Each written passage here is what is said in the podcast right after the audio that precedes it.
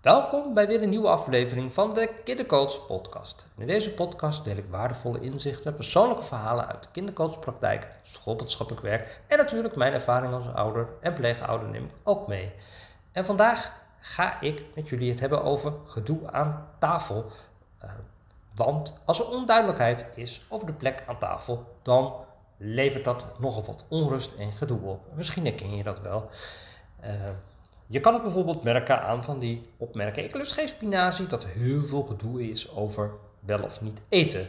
Nou, dat is in ieder geval één. Maar ook heel veel onrust, bijvoorbeeld dat kinderen niet op een stoel blijven zitten en maar willen bewegen en draaien. Je kent het wel.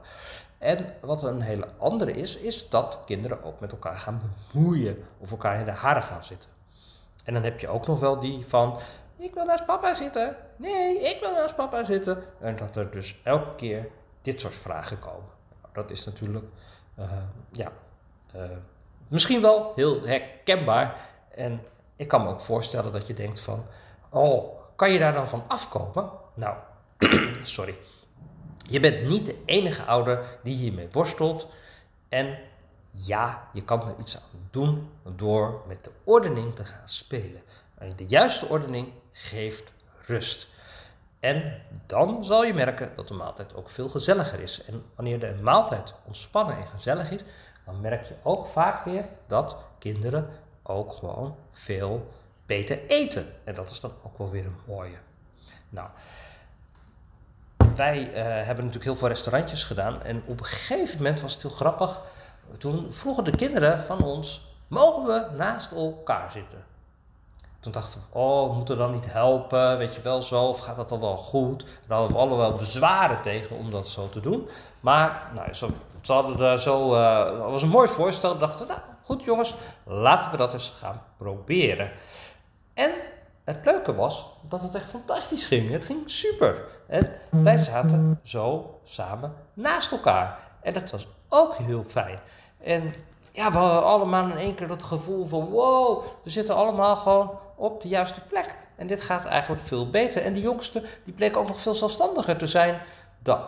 En ja, ik was ook in de vakantie aan het lezen en ik ben op dit moment heel veel uh, familieopstellingen, daar ben ik heel erg mee bezig. En ook systeemtheoretische boeken aan het lezen. En uh, toen bedacht ik van, oh ja, was eigenlijk de theorie een beetje vergeten. Maar er was ook zo'n uh, regel, patroon in Ehm, in die tafelschikkingen. En ik dacht van, oh, die ga ik ook delen in deze podcast. Want dat is ook voor jullie natuurlijk super interessant. En als je namelijk de juiste ordening hebt, dan krijg je gewoon ook veel meer rust. En um, op het moment dat die ordening, wanneer die ordening ontbreekt, ja, dan gaan kinderen uh, de lege plekken vanzelf opvullen. En laatst had ik dat al een beetje verteld ook. Um, op het moment toen, ik, uh, toen mijn wederhelft op kamp was en ik was alleen, uh, dat je dan krijgt dat de oudste, dus de plek van de andere ouder ging opnemen en heel erg ging zitten bemoeien en zo. En die kleinste, die had zoiets van, nee, wil ik niet. En dan komen we natuurlijk eigenlijk niet in een hele handige rol te zitten. Uh, en dan zie je dat eigenlijk zo. Um, ja, dat hangt dan ook echt weer samen met hoe ze aan tafel zitten. En soms heb je ook concurrentiestrijd, misschien herken je dat ook. En ook dat, concurrentiestrijd, kan ook heel gemakkelijk ontstaan wanneer het niet helder is, wanneer de plekken niet helder zijn. Uh, wanneer de oudste bijvoorbeeld op de plek van de jongste zit, ja, dan krijg je natuurlijk ook gewoon gedoe. Dat is natuurlijk helemaal niet zo gek. Nou, en soms ook nog weer niet alleen bij de tafel, maar ook weer daarbuiten.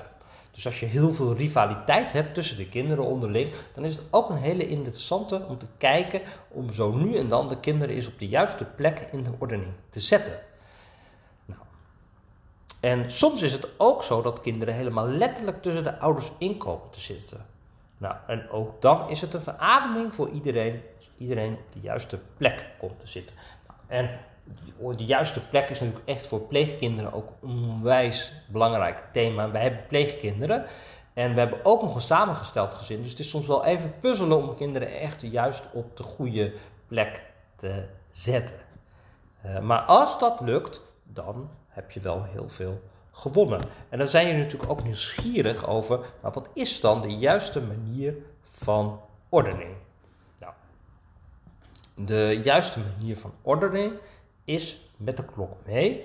Dus dat je vader en moeder die naast elkaar zet. Nou, als er, geen, uh, als er dan twee moeders zijn, dan, zitten die naast elkaar. Dan kan je bijvoorbeeld op leeftijd doen. Um, of als er twee vaders zijn, zoals bij ons, dan kan je dat ook zo doen. En is er maar één ouder, dan heb je de één. Nou, dan ga je daarna er tegenover, en dat is dus ook als je dus één ouder hebt. Als je een één ouder gezin bent, is het ook belangrijk dat je dan vervolgens de kinderen ernaast um, er tegenover zet je het oudste kind en daarna de jongere kinderen naar leeftijd. Ja, dus zo. Dus dan heb je dus de, de ouders, die zitten tegenover de kinderen. Dat is een hele belangrijke. En daarna de oudste en dan steeds jonger. En de verandering als je dit gaat zo gaan mee gaat oefenen, dat is vaak niet gelijk helemaal direct naar voelbaar. En soms is er ook eerst onrust, want dat is, nou dat herken je wel, als je iets verandert bij kinderen, dan is dat ook altijd even gedoe of misschien een beetje weerstand. maar geef iedereen dan echt even de tijd om echt te wennen aan de juiste positie. En juist in, nou ja, zoals ik net al zei, in samengestelde gezinnen, pleeggezinnen, is het echt zoeken naar de juiste plek. Maar misschien nog wel juist belangrijker, om als gezin goed te functioneren. Bij pleegkinderen is het uh, vaak het hele belangrijke om te starten met de biologische kinderen op de rij van leeftijd en uh, vervolgens de kinderen op binnenkomst te zetten. Dus op het moment dat je dus de kinderen hebt, je had een gezin, dat waren de eerste kinderen, daarna komen er twee bij. En dat, dat is ook een, uh, ja, een ordening die vaak heel goed werkt. Dus ik ben heel benieuwd of die voor jullie ook werkt. En um, ja, dus ik zou zeggen, ga daar gewoon eens mee spelen. En, uh, ja, en wat mij in ieder geval opvalt, is dat het bezwaar van ja, maar praktisch moeten we naast de jongste zitten zodat we kunnen helpen en zo. Nou, dat is echt onzin. En als je die dus echt loslaat, dan zie je eigenlijk dat de jongste ook gewoon eigenlijk veel zelfstandiger is dan, uh, dan we dachten. En dat is natuurlijk leuk. En ze krijgen ook meer eigen verantwoordelijkheid om het aan tafel goed te laten gaan. En dat is ook weer een hele belangrijke.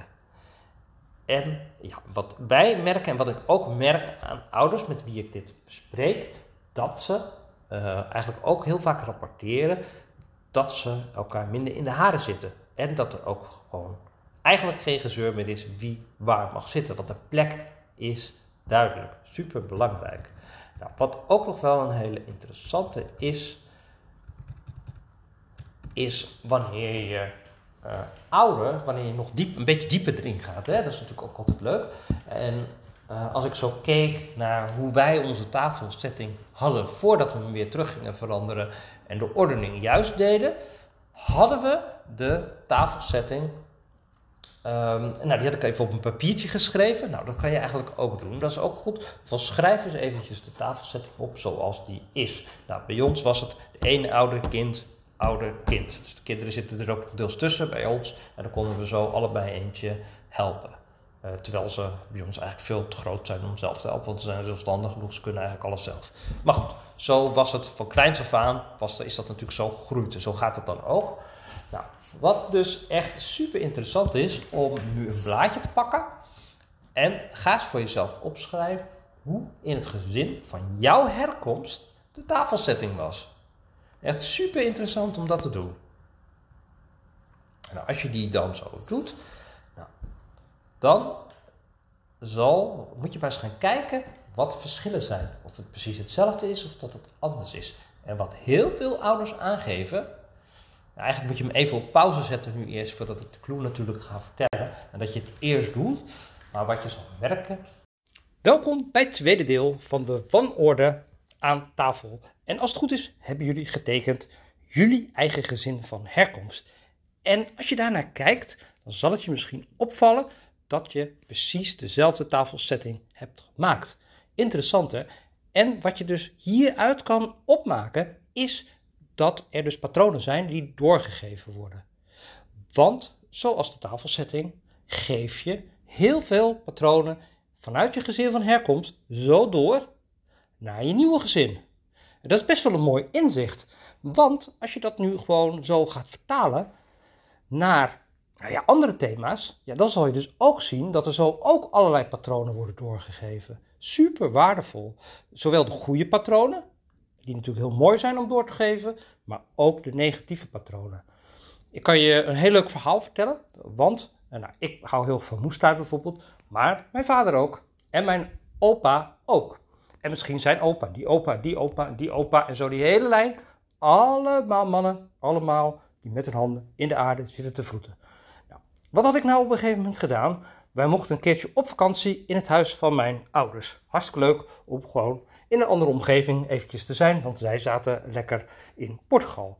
Dus nou ja, we mochten daar een week zijn en gewoon, nou ja, daar konden we lekker de dingen doen, waren we er lekker thuis uit. En ja, mijn ouders hebben in hun gewone tuin een soort van moestuintje ook gemaakt. Ehm, en zo hadden ze er net een courgetteplant in gezet. En ik had daar, toen we weggingen, gewoon een grote courgette gewoon ernaast gelegd. En ditzelfde grapje bijvoorbeeld had mijn opa vroeger ook gedaan. Nou, is het toeval? Kan natuurlijk. Maar heel goed mogelijk dat het dus geen toeval is. En dat dit gewoon een patroon is. Super interessant, super waardevol om dit zo mee te maken en dit zo te zien.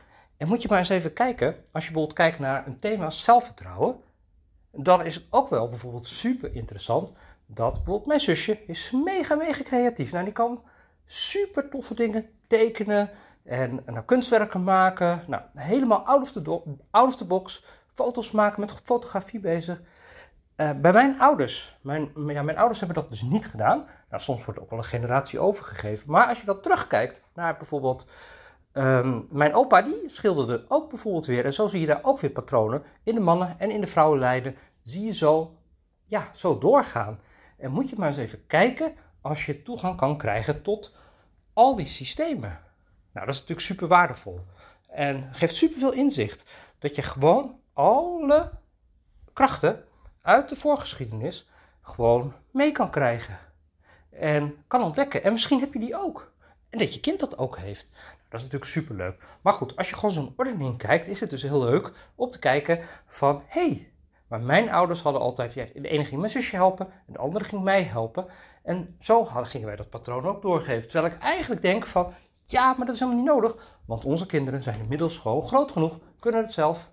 En dat is natuurlijk gewoon mega interessant. Dus wij zijn dat gaan veranderen.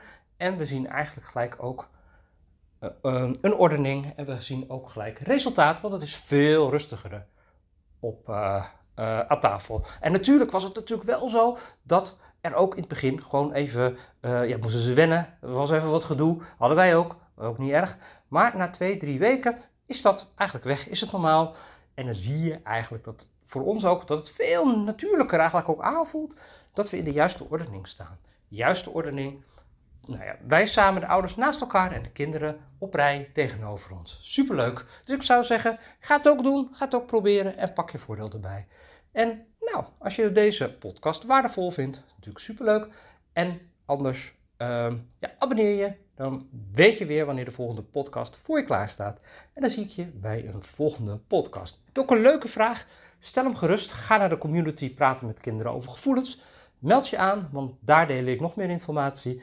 En je kan natuurlijk ook volgen via de mailinglijst of gewoon even op de website kijken. Er staat ook heel veel informatie te vinden op mijn website. Dus wie weet, spreken we elkaar later. Doei!